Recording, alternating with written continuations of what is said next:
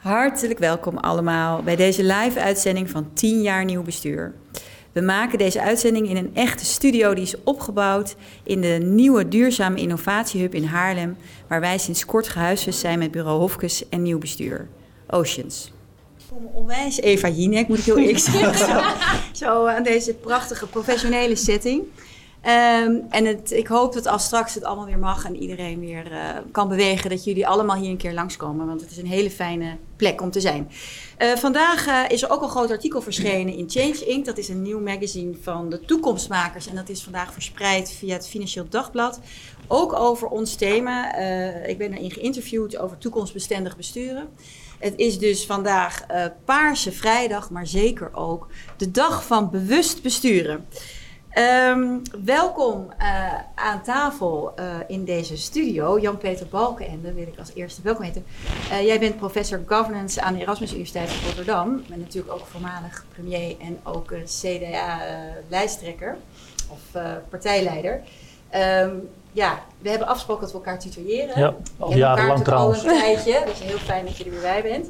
Uh, binnen het CDA is het thema natuurlijk best een heel relevant. Uh, de governance van het CDA is natuurlijk nu even een hot thema. Oh, maar daar zullen we de actualiteit erbij. Nou, daar zullen we het niet over hebben. Zo. Uh, mijn vraag aan jou is: wat betekent toekomstbewust besturen in één zin?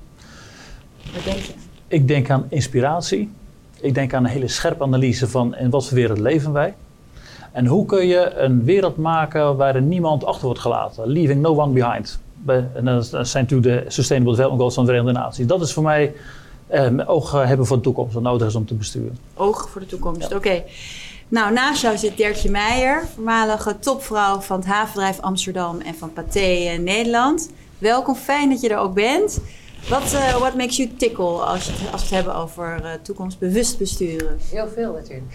Uh, waar het om gaat is dat we een mooie wereld achterlaten. Nou, een gezonde wereld, denk ik. En uh, als je dat dan vanuit het bedrijf of je organisatie doet, gaat het om die buitenwereld naar binnen te brengen en dat naar binnen te vertalen naar wat betekent het voor mij. Dus dat vind ik altijd wel heel relevant. Hoe vertaal je dat naar binnen? Ja, en uh, aan deze kant zitten de future leaders. Uh, nee, wacht even, ik vergeet helemaal iemand. Bram, Schot. Jij zit in quarantaine, de actualiteit is onder ons. Ja. Uh, maar toch ontzettend fijn dat je er bent. Uh, voormalig uh, CEO van Audi, bestuurder bij de Volkswagen Groep. Nu actief onder meer als commissaris van Shell en van TomTom.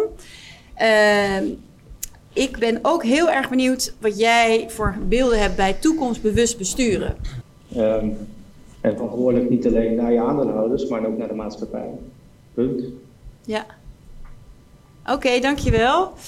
Nou, dan, dan kom ik bij de future leaders. Ik begin even met een future leader die er nu niet is. Dat is Werner Schouten. Hoi. Zie ik jou? Jij ziet mij ook, hè? Hoor je mij? Hoi, ja, wij zien jou ook. Hoi. Fijn dat jij er ook bent. Ja. Voorzitter van de Jongeren Klimaatbeweging. Uh, je bent super actief op dit moment. Ik kom je overal tegen. Um, je noemt jezelf ook toekomstdenker. Hè? Wat, wat, wat versta jij onder toekomstbewust besturen? Kijk, toekomstbewust besturen is denk ik eigenlijk uh, starten vanuit de toekomst.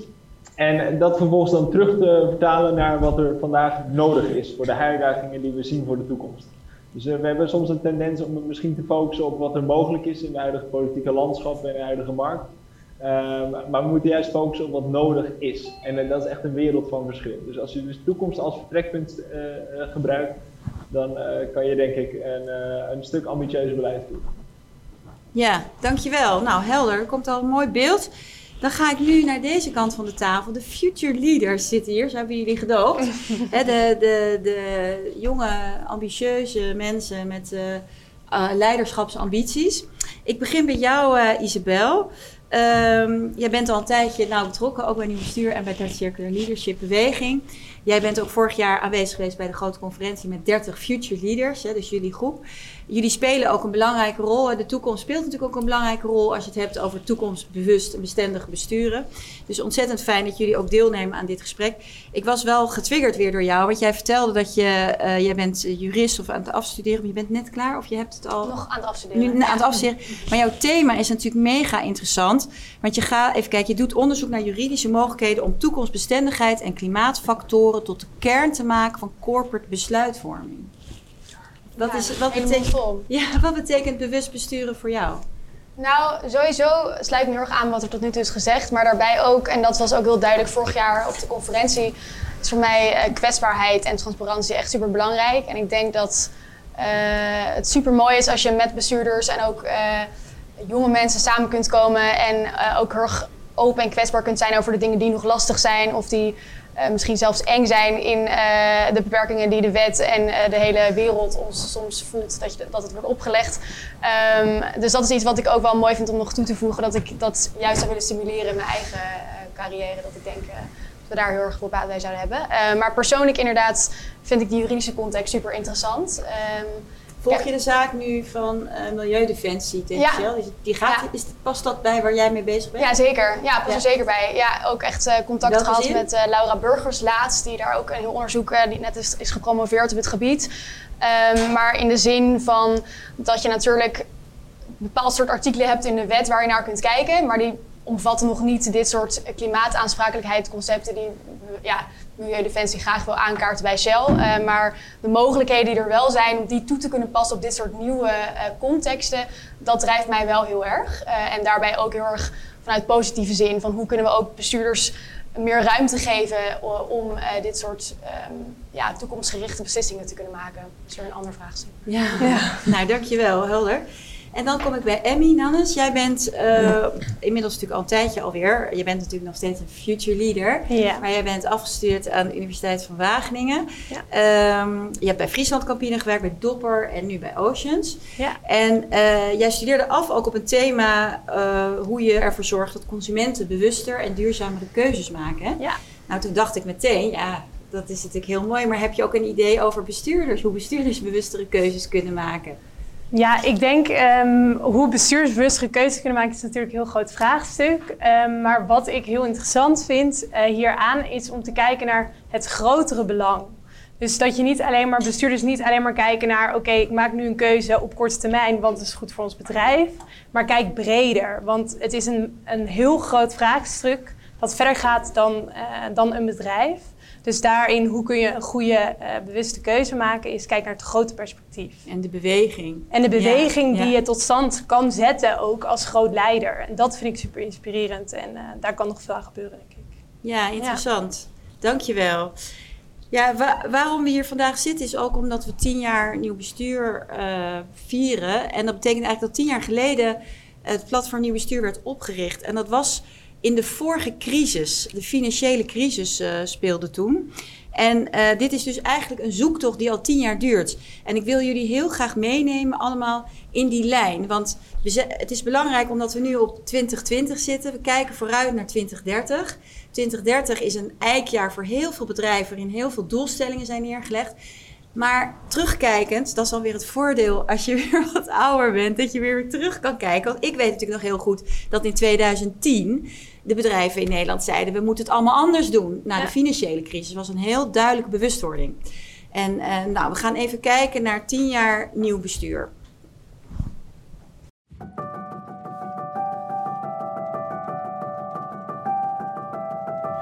Mijn naam is Mildred Hofkes en ik ben naast oprichter van reputatieonderzoeksbureau Hofkes ook een optimist. Daarom hebben we in 2010 het platform Nieuw Bestuur opgericht om te onderzoeken wat goed bestuur is. 2009. Met bureau Hofkes besloten we om deze vraag voor te leggen aan bestuurders zelf. Ze waren openhartig en gaven aan dat de toon aan de top veel te veel gericht was op korte termijn belangen en geld verdienen, waardoor verduurzaming en inclusiviteit geen kans kregen. Ik schreef er een boek over, De Wisseling van de Macht. Over een nieuwe toon aan de top en het stakeholdermodel. Want het stakeholdermodel is gericht op verbinden en samenwerken in plaats van ieder voor zich. 2010.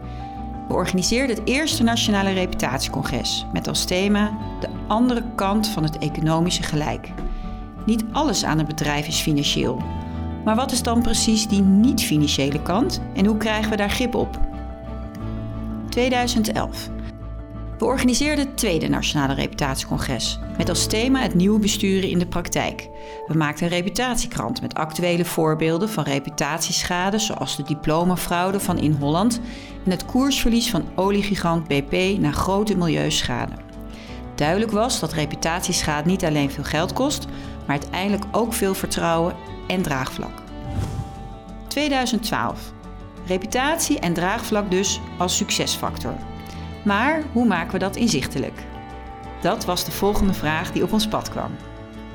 Het derde Nationale Reputatiecongres ging erover reputatie als nieuwe economische waarde. Oftewel, what gets measured gets done.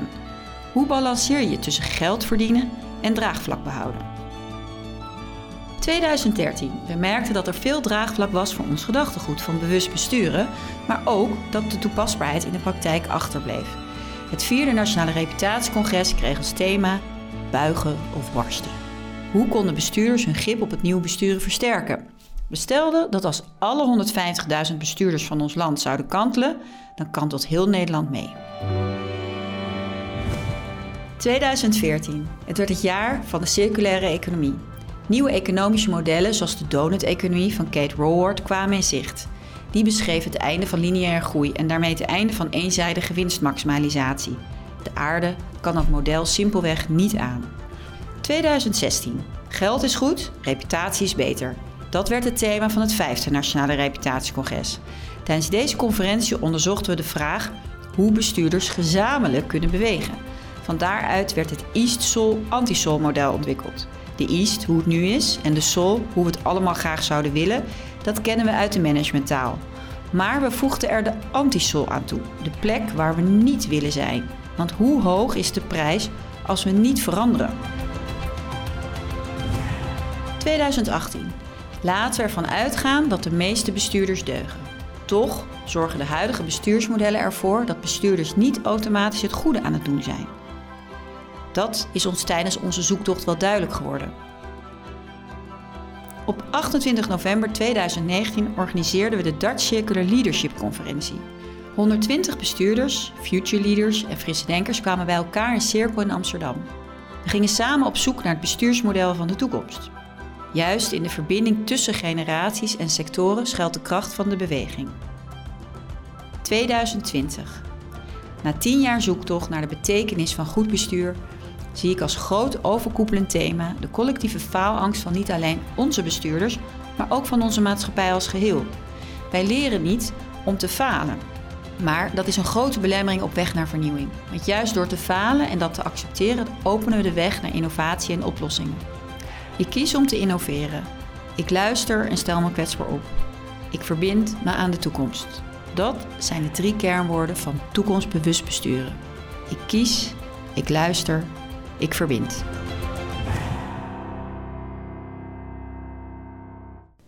Nou, dat was uh, even een terugblik. Tien jaar nieuw bestuur met prachtige tekeningen van Dennis Luijer.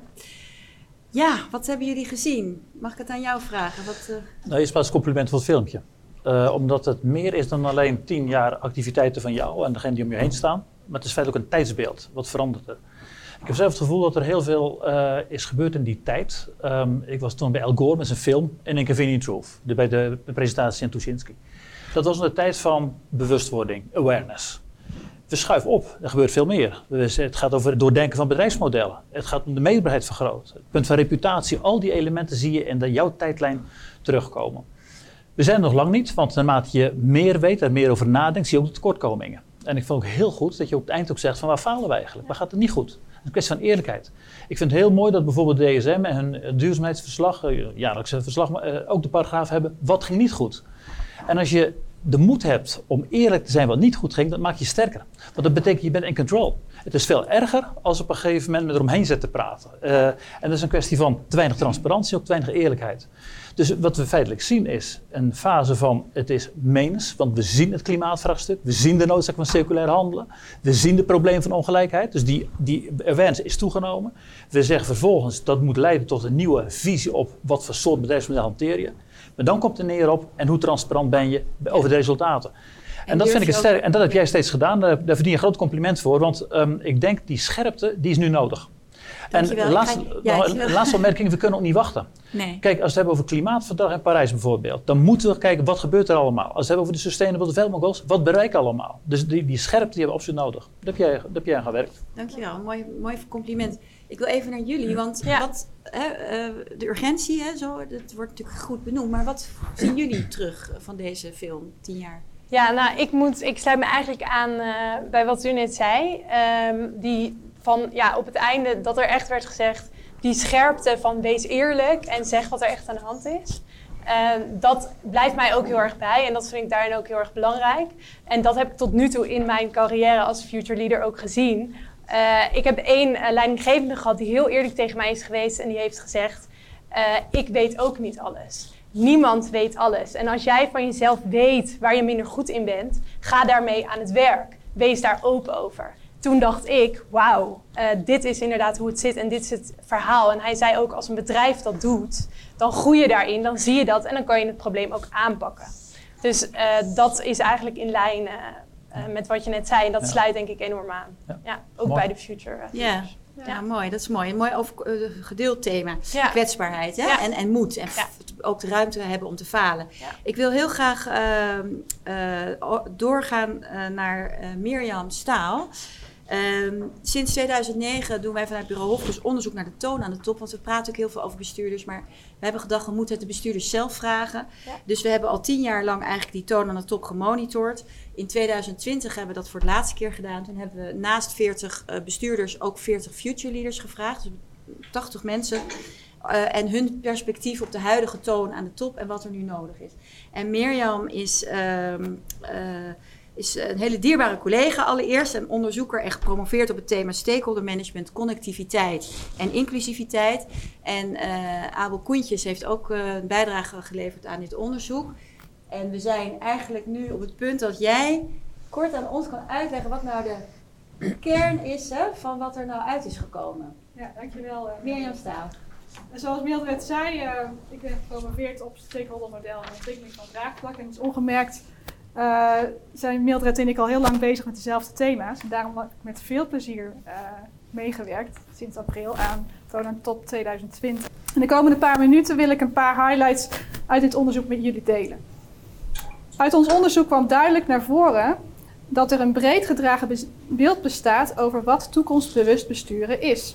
Dit staat beschreven in de wet en de Corporate Governance Code en wordt zowel door de huidige bestuurders als door de future leaders gedragen.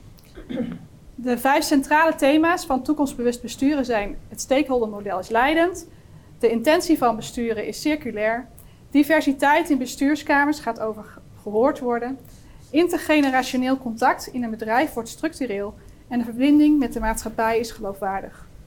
En toch blijkt er nog steeds een gaaf gat te zijn tussen de gewenste tonende top en de ervaren tonende top. Toekomstbewust besturen is onzichtbaar. Nou, waarom is het probleem dat toekomstbewust besturen onzichtbaar blijft? Ons onderzoek laat zien dat de onzichtbaarheid de geloofwaardigheid van bestuurder en bedrijfsdoelstellingen ondermijnt. En daarnaast zorgt onzichtbaarheid ervoor dat future leaders zich minder verbonden voelen met het bedrijf waar ze voor werken. En tenslotte zorgt een gebrek aan geloofwaardigheid en verbinding voor een gebrek aan draagvlak. Als onzichtbaarheid zulke negatieve gevolgen heeft, waarom gooien bestuurders hun tent niet open? Current leaders geven aan dat er een zekere kramp bestaat rondom de vijf thema's van goed bestuur, omdat er geen antwoord is op de vraag hoe komen we daar. Dit eerlijke verhaal vertellen wordt ervaren als een risico, omdat bestuurders erop afgerekend kunnen worden. Maar de paradox is dat juist transparantie een voorwaarde is voor het stakeholdermodel van besturen. Onze future leaders leggen sterk de nadruk op partnerschappen en werken vanuit wederzijds vertrouwen. De intrinsieke motivatie van huidige bestuurders is voor hen belangrijker dan dat ze alle antwoorden hebben. Simpelweg omdat future leaders sterk geloven dat we alleen samen de hoe-vraag kunnen beantwoorden. Alleen samen krijgen we de toekomst waar we van dromen. Het eerlijke verhaal vertellen geeft de nodige opening aan stakeholders om zich te verbinden en mee te gaan dragen. Wanneer het eerlijke verhaal verteld wordt, biedt dat aan interne en externe stakeholders de kans zich te verbinden en groeit het draagvlak, omdat deze stakeholders de kans krijgen mee te zoeken naar plan B. De uitkomsten van dit onderzoek deden mij denken aan het verhaal van de, keizer, van de kleren van de keizer. De keizer is onze gewenste toon aan de top, maar de keizer heeft geen kleren aan. Er is nog geen strategie om bij die gewenste toon aan de top te komen. En uiteindelijk helpen we elkaar niet door te doen alsof de keizer wel kleren aan heeft. Pas wanneer we samen erkennen dat de kleren er nog niet zijn, kunnen we samen passende kleren maken voor onze keizer in een notendop. Dat is echt niet makkelijk, want er is uh, heel veel data. Ik wil heel graag even eh, eerst aan jullie vragen. Wat herkenden jullie hiervan? Was het herkenbaar? Klopt het? Ja, zeker. Ik denk dat eh, heel veel dingen heel herkenbaar zijn. Eh, er zijn natuurlijk mega veel facetten die alles zo lastig maken. Maar ik denk dat punt van wat naar voren is gekomen, dat het, we nog niet altijd de hoe dan hebben, dat dat natuurlijk onwijs lastig is. En dat er op heel veel vragen van hoe kom je ineens naar eh, die 2030, hoe kom je daar? En niemand weet nog perfect hoe. Gelukkig zijn er super innovatieve partijen zoals uh, Dopper bijvoorbeeld, die een super mooie uh, resilient strategie hebben om daar te komen. Maar voor andere partijen die nog meer vastzitten in het oude systeem, is dat natuurlijk onwijs ingewikkeld. En ik denk dat waar we het net ook over hadden, transparantie, kwetsbaarheid. Uh, en eigenlijk ook heel veel lef om je inderdaad gewoon open op te stellen. Um, ook naar jonge mensen toe, maar ook naar je mede-collega's. Uh, van, van dingen die nog lastig gaan. Dat daar wel echt ja. ja. En ik, het gesprek over moet worden gevoerd, zoals vandaag, denk ik. Ja, en ik denk ook wat je zegt van hoe, we weten het ook nog niet, hoe gaan we daar komen? Daar um, lopen heel veel bedrijven en organisaties tegenaan. Dus in plaats van dat met je eigen bedrijf uit te willen gaan vogelen, denk ik, laten we dat opengooien, de tent opengooien. En daar partnerships, samenwerkingen in vinden, want het is een veel groter probleem. En dat uh, vond ik heel helder naar voren komen. Van in plaats van dit doen, moeten we naar buiten. Mooi. Ja. Dirkje, waarom gooien bestuurders hun tent niet open? Ja, is, ik vind dat een lastige vraag. Het heeft uh, niet per se te maken met je willen verstoppen, volgens mij. Het heeft ook te maken met allerlei dingen die je onbewust doet. Uh, maar waar je niet op bevraagd wordt, hè, vaak ook nog. Uh, dus ik denk dat het heel goed is om met elkaar te zeggen: we hebben financiële kentallen, we hebben sociale kentallen, we hebben duurzaamheidskentallen. Nou, daar maak je met al je stakeholders een strategie op. En op het moment dat je dat hebt, kun je daarover gaan communiceren. Maar je wilt ook het beperkt houden. Dus ik denk dat het heel goed is dat we daar, en daar is de laatste jaren wel heel veel in ontwikkeld overigens. En je bedoelt zelf, merk je dat aan de toon, aan de top? Je vindt nee, als je zegt van waarom, uh, hè, waarom laat je niet meer zien, omdat nou ja, je wordt er niet continu op gevraagd, daar gaat het denk ik vooral over. Ja. Okay. Ik, dat je het helemaal mee eens. Kijk, als je nu ziet hoe worden bedrijven beoordeeld, dat is vaak de resultaten per kwartaal de winstgevendheid, de kostenbesparing. Dat zijn die bekende indicatoren. Dat hebben we heus wel onder controle. Daar is de openheid over. Sterker nog, als je die openheid niet geeft, krijg je een probleem met je investeerders. Maar die andere componenten, de maatschappelijke componenten, dan heb je over de vraag: wat is, zijn daar de measurement tools van? Hoe ga je die zaken uh, in kaart brengen? En ik vind op dat terrein moet echt slagen maken. Er zit een zekere onbalans tussen zeg maar, de financiële risico's en de niet-financiële risico's. En als, het, als, het, als die tools anders worden, als die beter worden gedefinieerd, als er betere standaarden komen, wordt het ook makkelijker.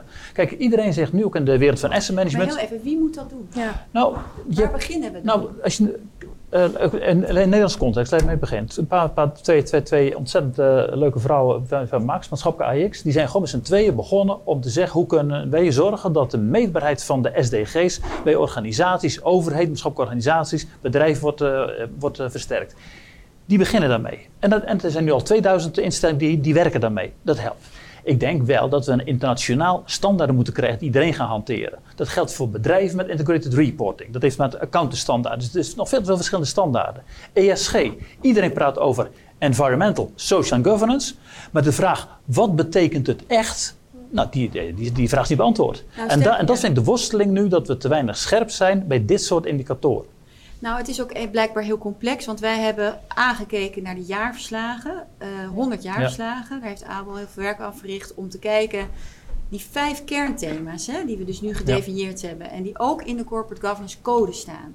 Daar wordt weinig over gerapporteerd. En als er iets over wordt gezegd, dan wordt het genoemd of benoemd. Maar er wordt niet uitgelegd wat het beleid is of wat, is, wat en oh, helemaal niet wat de scores zijn of hoe dat dan werkt. Weet je. Dus het is niet transparant. Ik, ik, denk dat het ermee te maken heeft dat de scores nog onvoldoende algemeen ontwikkeld zijn. Dus iedereen zit daar voor zichzelf, is daar nog in aan het uitzoeken. Wat zijn dan de kentallen waar we het over moeten hebben? Ik ben ervan overtuigd dat de meeste bedrijven er echt wel mee bezig zijn. De een wat meer dan de ander. Maar als je daar duidelijk, hè, de SDG's hebben we met elkaar geaccepteerd, zijn prachtig.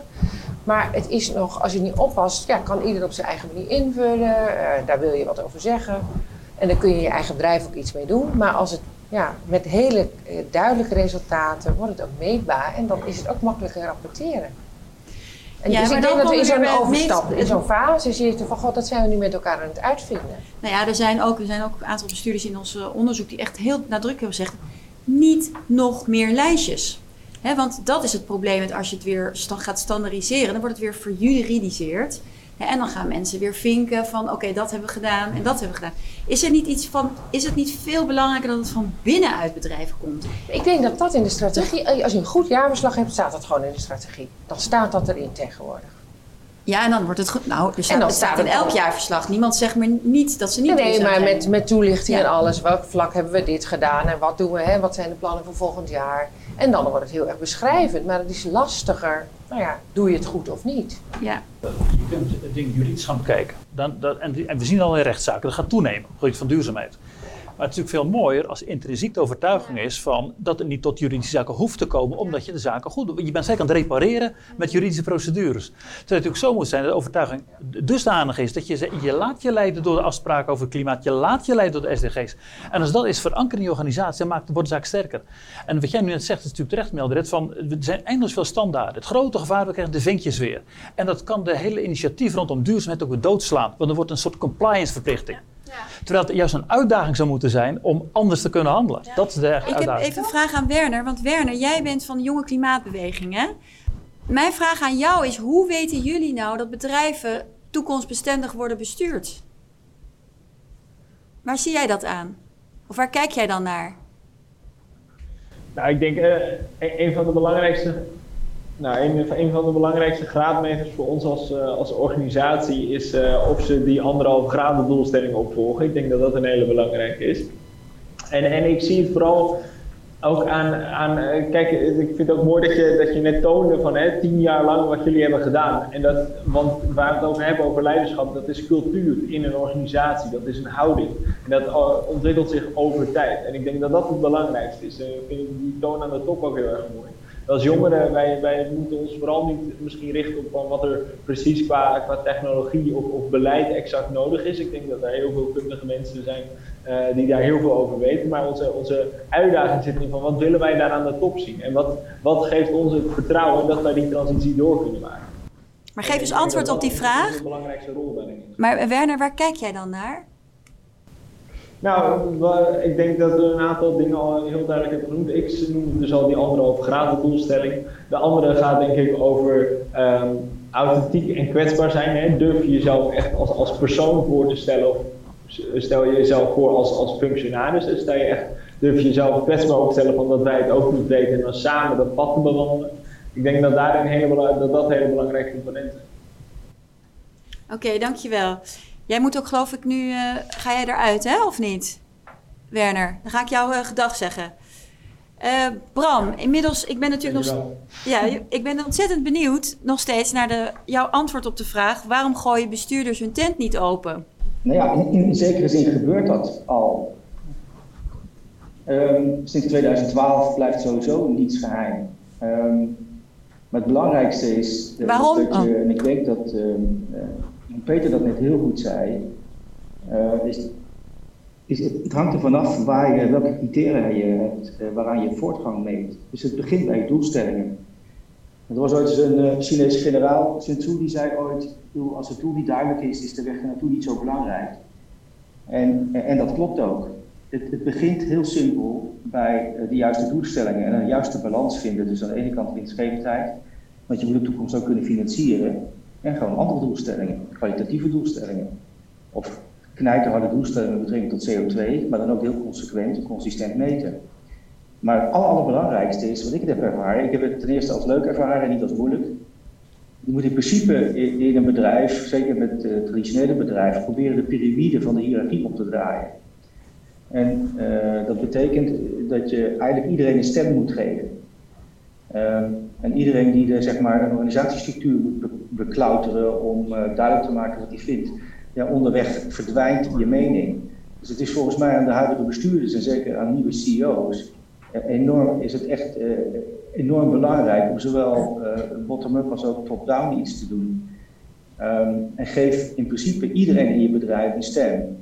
Maar het betekent niet dat iedereen mag stemmen. Wat ik gedaan heb in Duitsland is dat ik, als we praten over digitalisering en connectiviteit en over milieu, dan zat, uh, zaten bij mij een heel divers clubje mensen mee in de, de, raad van bestuurvergaderingen omdat ik hun mening wilde horen. Dat was in het begin heel erg uh, ongemakkelijk, zou ik je zeggen. in de Duitse governance context. maar als je dan ruimte geeft voor die meningen, dan wordt er ook naar geluisterd. En aan de andere kant, ja, mensen hebben soms een beetje moeite met te accepteren dat dingen anders gaan. Maar dan is het juist voor CEO's en, bestuurders heel belangrijk dat je ook heel consequent bent. Kijk, er is een heel groot verschil tussen rationeel moeten en emotioneel willen. En iedereen die emotioneel wil, die vindt de weg. Maar iedereen die uh, rationeel aan het moeten is, ja, die, uh, die, begint te remmen als hij de eerste obstakel ziet. Maar daarbij begint het natuurlijk, en ik denk dat het allerbelangrijkste is, is dat je overtuigd bent dat je de juiste toestellingen neerlegt. En dat doe je niet alleen het bestuur, dat doe je samen met je commissarissen en met je aandeelhouders. En als je daar overeenstemming hebt, dan kom je dan heel eind. Ja, mooi. Dankjewel. En uh, die van het moet niet gaan over rationeel uh, moeten, maar emotioneel willen. Dat is natuurlijk een hele sterke, die gaan we zeker straks nog even terug laten komen. Nou, je ziet wel hoe belangrijk de toon aan de top is. En dat geldt zowel voor jullie, vanuit jullie perspectief, dat je eraan wil verbinden. vanuit jullie perspectief dat het intrinsiek gemotiveerd is en dat je dan van binnenuit je organisatie eigenlijk heel veel kan doen. Dat je niet hoeft te wachten, bij wijze van spreken, tot de buitenwereld meebeweegt, maar dat het vanuit je eigen organisatie kan. Um, aan de andere kant, de complexiteit is ook enorm. En uh, we praten hier natuurlijk over dingen. Uh, ik heb ervoor gekozen om ook een kort filmpje te laten zien over waar we het nou werkelijk over hebben. De Ocean Story. Dat is van filmmaker Sander van Weert. Waarin eigenlijk de vervuiling van onze zeeën direct in verbinding wordt gebracht ook met het toerisme. En de manier hoe er geconsumeerd wordt. Dus daar wil ik zo naar kijken. Maar daarvoor wil ik heel even een. een, een uh, Milieudefensie en Shell hebben nu, uh, zien elkaar natuurlijk nu in de rechtszaal. En uh, Roger Cox die hield van de week een pleidooi. En daar wil ik een klein stukje uit voorlezen. Hij zei, als betoog, hij zei: Er komt geen ander of beter moment. Want wie beschermt de burgers tegen de gevolgen van klimaatverandering? Wie beschermt de allerarmsten en de natuur? En wie beschermt de toekomstige generaties die een aarde van ons zullen erven, die ernstig beschadigd is en in groot verval wordt achtergelaten? We gaan even kijken naar Ocean Story. We are changing the nature nature. And that's dangerous, not just for whales and dolphins and squids, it's really dangerous to us. Our future is on the line. As we degrade the ocean, we degrade our life support system. We need to know that.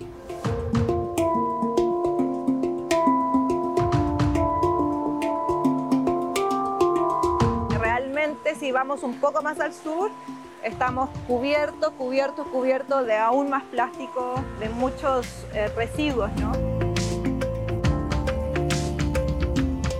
Paris Climate Agreement talked about keeping average global temperatures well below 2 degrees. I think we're, we're going to achieve that because we have to, because there is no safe alternative. The bad news is that it will mean 70 to 90% of today's corals will die. Since 1856 until 1988, there were no uh, Category 5 hurricanes. From 1988 to date, there have been like 10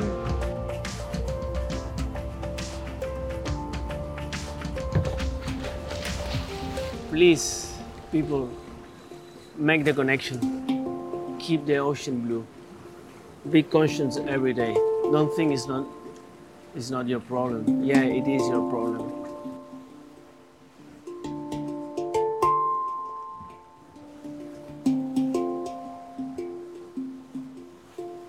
Ja, een Ocean Story. Ga hem zien, want uh, het, het is een prachtige film.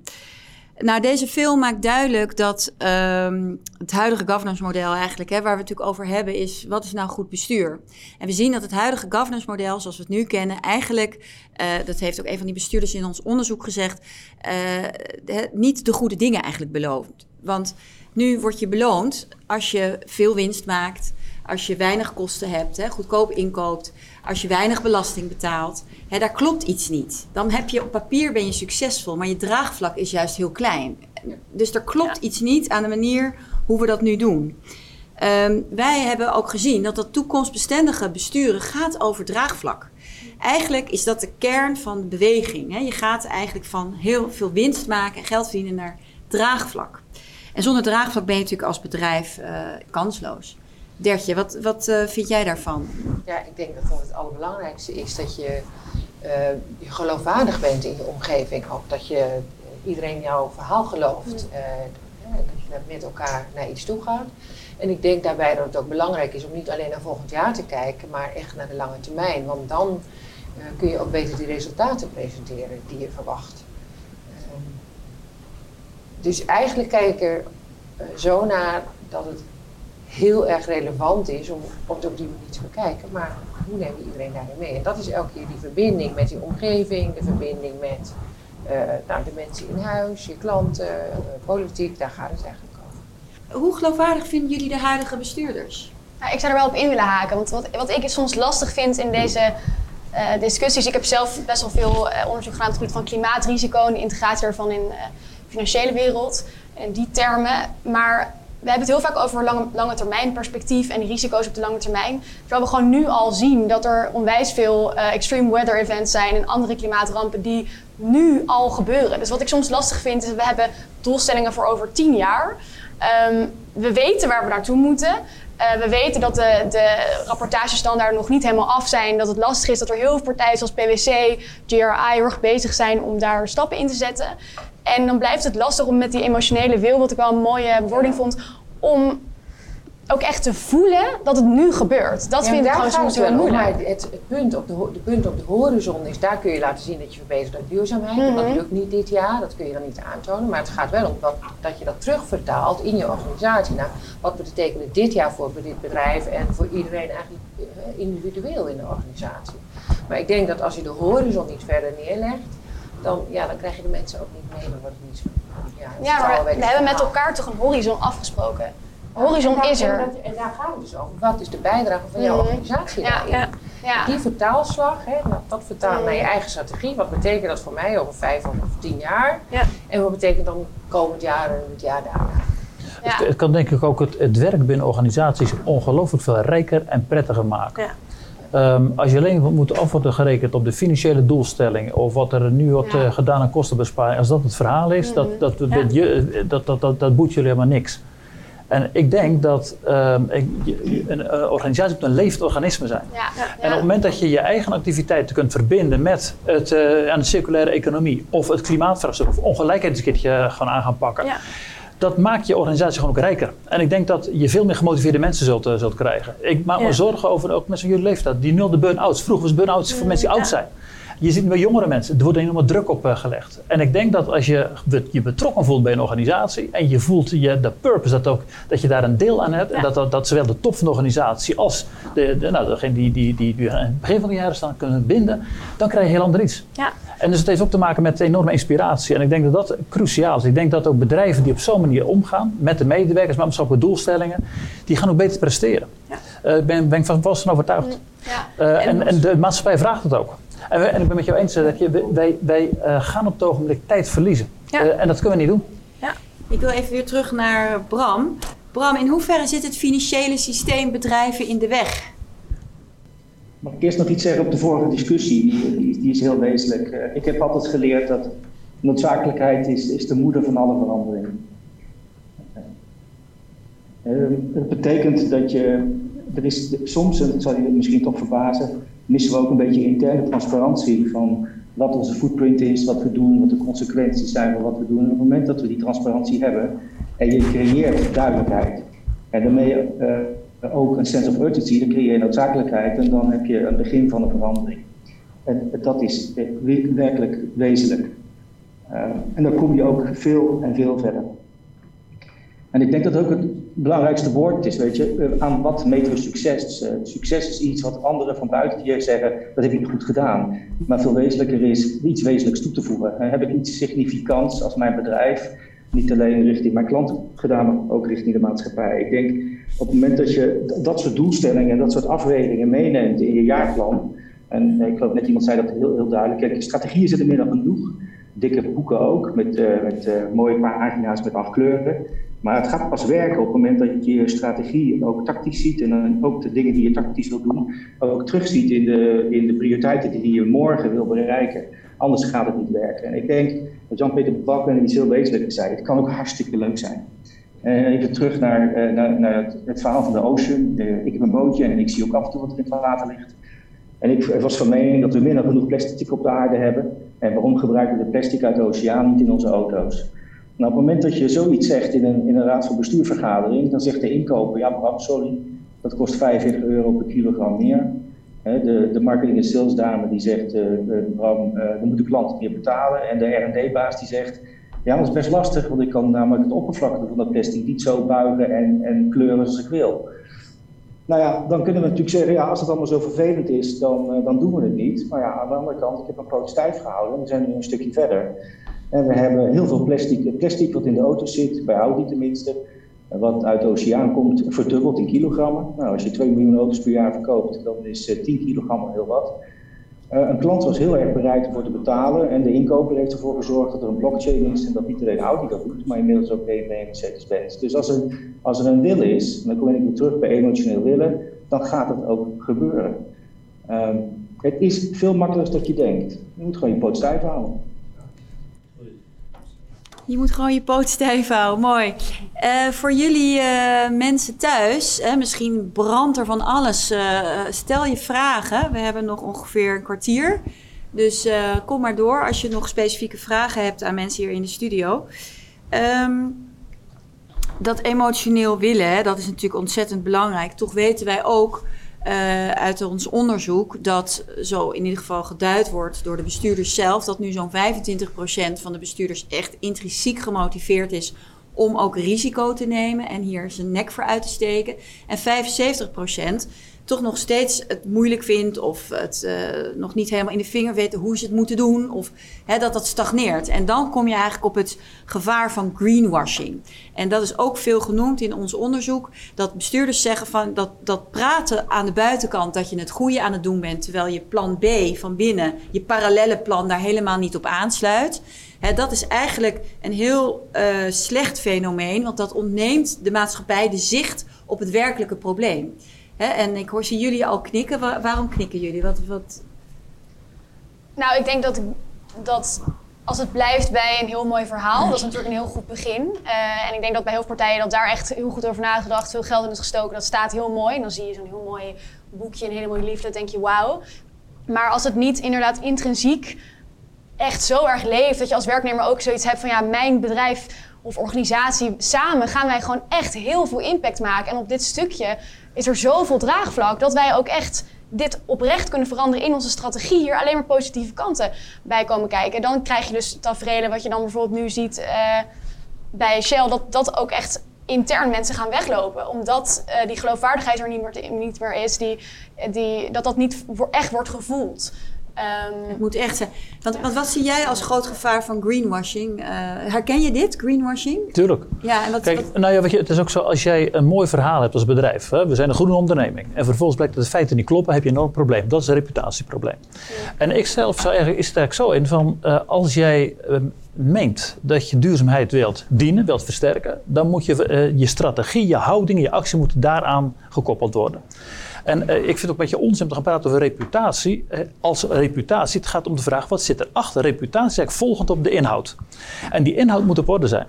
En uh, de term stakeholders een paar keer genoemd. Ik ben zelf een groot voorstander van de stakeholder-dialoog. En waarom? Om jezelf scherp te houden. De Unilever had het Sustainable Living Plan, dat was een duurzaam, duurzaamheidsstrategie. En ze hebben gezegd, we gaan een, debat organiseren met tal van actoren. Uit de waardeketen, kritische organisaties, maatschappelijke organisaties, overheidsfunctionarissen, wetenschappers. Als je dat doet, dat kan misschien niet altijd van leuk zijn, je krijgt wel kritiek, maar het houdt jouw organisatie wel scherp. Ik kom ook bedrijven tegen, die hebben duurzaamheidsdoelstellingen, die hebben ze dan zeggen, voor vijf jaar moet dat worden bereikt. In vijf jaar. En dan na twee jaar ze het al bereikt. Dan denk je, hé, hey, dan zijn die doelstellingen uh, onvoldoende scherp uh, uh, vastgesteld. Ja, ja, en dat betekent dat je kennelijk in het organiseren van het debat over waar staan we voor, het niet goed hebt gedaan. Nou, en ik vind, jullie, jullie zijn jong. Ik, heb, ik vind zelf zeggen altijd ook tegen een CEO van zorg dat je met young professionals in contact bent. Um, waarom? Om elkaar ook scherp te houden. dat debat is ontzettend belangrijk. En daarop aansluitend heb ik ook inderdaad wat je zei, dat debat is belangrijk en vragen stellen. Want uh, wij, gaan, uh, wij willen weten wat is het echte verhaal? Waar zijn ja, we echt tuurlijk. mee bezig? Daar gaan we naar op zoek en ja. je valt gewoon door de mand. eh, als het niet klopt. Dat Nee, zien dat, we. Dat is volgens mij Ja. het greenwashing verhaal. Dat, Ja. dat- en dat demotiveert denk ik enorm. Als je in een organisatie zit die de een zegt en het ander doet. Ja, dat lijkt mij niet Ja. Dus ik, ik sprak hier een ondernemer die, eh, ik zeg, eh, eh, stuur eens wat stukken op van jouw bedrijf op het gebied van duurzaamheid. En toen kreeg ik een eh, notitie. En de titel van het eerste hoofdstuk was Eerst de waarden, dan de visie. Nou, dat sprak mij wel aan. En die zegt, waarden zijn belangrijk, want de vraag is van waarom spreek je elkaar aan in de onderneming? Waarom willen werknemers bij jouw onderneming horen? Of ehm, eh, waarom kiezen klanten voor jou? De, die, die, die waarom-vraag, de purpose-vraag, de DNA-vraag is ontzettend belangrijk. En dat begint gelukkig wel steeds belangrijker te worden. En de, de scherpte die je krijgt om die vragen naar het waarom te stellen, die maakt dat je een eerlijke discussie krijgt. En het relativeert ook alweer uit alleen maar te praten over financiële eh, criteria om die te, te halen. Ik vind het heel boeiend. Ja, dat is ook zeker boeiend. Dan komen we toch weer bij dat soort van overkoepelende thema gedragsverandering. Hè? Van, eh, hoe krijgen we dat eh, op een veel grotere schaal en veel eh, impactvoller met elkaar voor elkaar? En toen moest ik wel denken aan wat wij nu met z'n allen meemaken. Eh, we zitten natuurlijk in een hele grote collectieve gedragsverandering door de coronacrisis. Wij houden ons hè, aan de regels die ons gesteld worden. We kijken elke twee weken naar Mark Rutte, die ons uitlegt wat het gedrag, ons gedrag voor een effect heeft op het dashboard van het coronadashboard. Zou het een idee zijn als Rutte vanaf januari elke twee weken een klimaatconferentie houdt? Een klimaatpersconferentie met een dashboard waarop wij precies als bevolking kunnen zien hoe het gaat met de CO2-uitstoot, met de stikstof, hè, als burger, maar ook als bestuurders. En dat we daar, zeg maar, daardoor misschien ons gedrag gaan aanpassen, zoals we dat nu ook doen. Is dat een idee? Vraag ik het toch eerst even aan de oud-premier. Nou, dat is geen lijkt mij eigenlijk een heel goed Mildred, idee. Mildred, het is geen handige vraag, want ik ga nooit aanbeveling geven om een opvolger. ik, heb al, ik heb al gezegd, maar de- er zit wel een, ik snap jouw vraag heel erg goed. Eerst terug naar Bram. Bram maakt een heel belangrijke opmerking van, als je over plastic hè. Ik heb al een Boy en Slat gesproken. Als iemand als Bram met zijn verantwoordelijkheid zegt van, ook al is het duurder, ook al is het misschien lastig, wij kiezen voor plastic uit de oceaan om dat in ons product te gebruiken, dan maak je het verschil. Dus ik vind dat zo cruciaal. En dan nu wat betreft die scherpte we moeten krijgen. Ik ben er absoluut van overtuigd dat wij eh, moeten onszelf meer de spiegel voorhouden. Wat doen we eigenlijk? We hebben Parijs ondertekend. We zijn een groot voorstander van de SDG's. En dat wil ik graag zien. En wat gebeurt er nu? Toen ik zelf premier was, hadden wij de systematiek van delivery. En dat betekent, wat zijn je doelstellingen? Wat wil je bereiken? Wat is het timetable? Wat zijn de financiële middelen? Wie is verantwoordelijk? En ik vond het een prachtig instrumentarium om in elkaar scherp te houden. En dat zou je ook moeten hebben met de zaken rondom klimaat en SDG's. Elkaar scherp houden. Dirkje. Ja, en ik wilde heel graag aansluiten. want Jij zei dat net heel mooi, eh, Jan-Peter. Dat kernwaarden soms nog voor strategie gaan. En eh, we hebben het de hele tijd over lijstjes. En lijstjes kunnen helpen, het zijn hulpmiddelen, maar het gaat over gedragsverandering. En ik vond bij een van de eerste speeches eh, die eh, Rutte hield, had hij drie kernwoorden. En die kwamen steeds weer terug. En ik denk, oh, daar gaat het over, wat goed. En dat heeft hij helaas losgelaten. Want ik denk dat dat helpt. Van, Dat zijn wij, daar ben ik trots op als Nederlander. En daar wil ik aan bijdragen.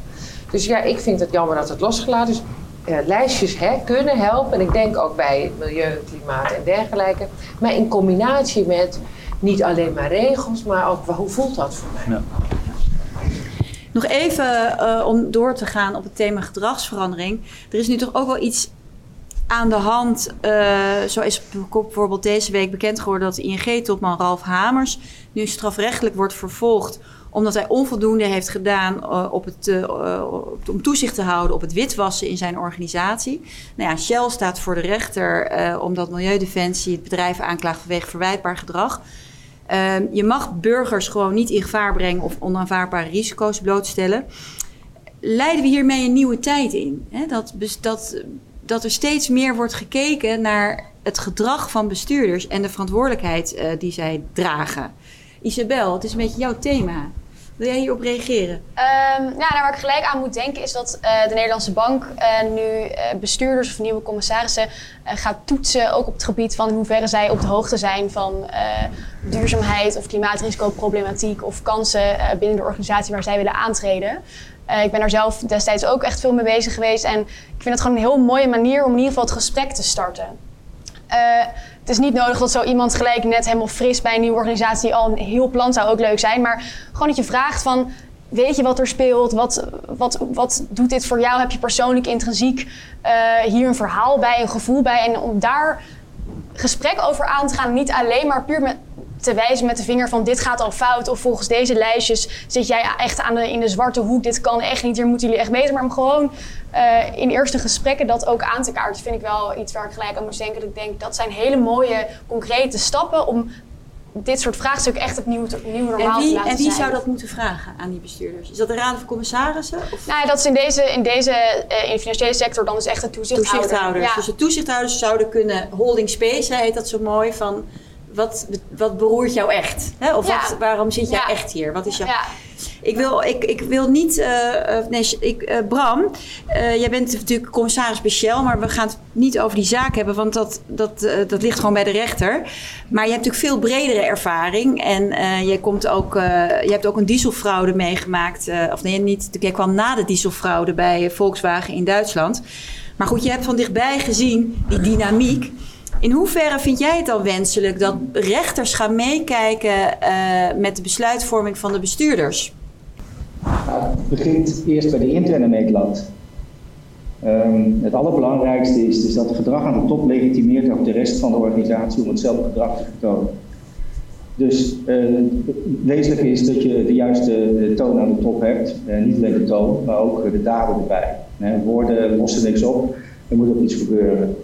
Ehm, wat wij eh, in de Volkswagen groep gedaan hebben, eh, is dat wij een heel wezenlijk deel van de beoordeling van de n'importe wie, of het nou een manager is of een chef of een medewerker, eh, die leggen we tegen de interne meetlat aan het eind van het jaar en eigenlijk gedurende het jaar voor compliance en integriteit. Dat is een zero tolerance beleid. Op het moment dat je dat niet doet, dan, dan gaat het niet goed. Je moet ook consequent zijn in deze, dat noemen we bij ons consequentiemanagement. Dus als er iets gebeurt is wat niet oké is, dan heeft dat consequenties. Eh, op het moment dat er iets niet goed gaat, eh, iemand doet iets wat niet mag, maar het heeft geen consequenties, dat is, eh, dat is een heel slecht signaal. Dan gelooft uiteindelijk niemand je meer. Dus er is een interne meetlat die, die heel wezenlijk is. En op het moment dat je daar consequent in bent, dan verandert gedrag. Tegelijkertijd, als je ander gedrag wil, dan moet je ook met je werving en selectie ervoor zorgen dat je het gedrag importeert. Het kan niet zo zijn dat je, dat je oud gedrag eh, werft omdat er toevallig iemand is die goed auto's kan verkopen. Dat, schiet niet op. Kijk, iemand die heel integer is, maar misschien zijn zaken niet zo goed voor elkaar die kun je coachen. Iemand die niet integer is, eh, eh, maar wel heel goed is, daar heb ik helemaal geen boodschap aan. Dus die past niet in de organisatie. Ehm, en op het moment dat bedrijven getoetst worden buiten, nou ja, dat houdt ze scherp. Dat hebben we gezien ook aan de diesel, dieselfraudekant. Dat was heel duidelijk iets wat niet in orde was. En dat wij eh, gevraagd waren dat op te lossen, eh, dat, is, dat is me heel normaal. Ja, nou dankjewel. We zijn eh, bijna aan het einde van deze jubileumuitzending. Het gaat altijd super snel, hè? Dan denk je, jeetje, dat uur is voorbij gevlogen.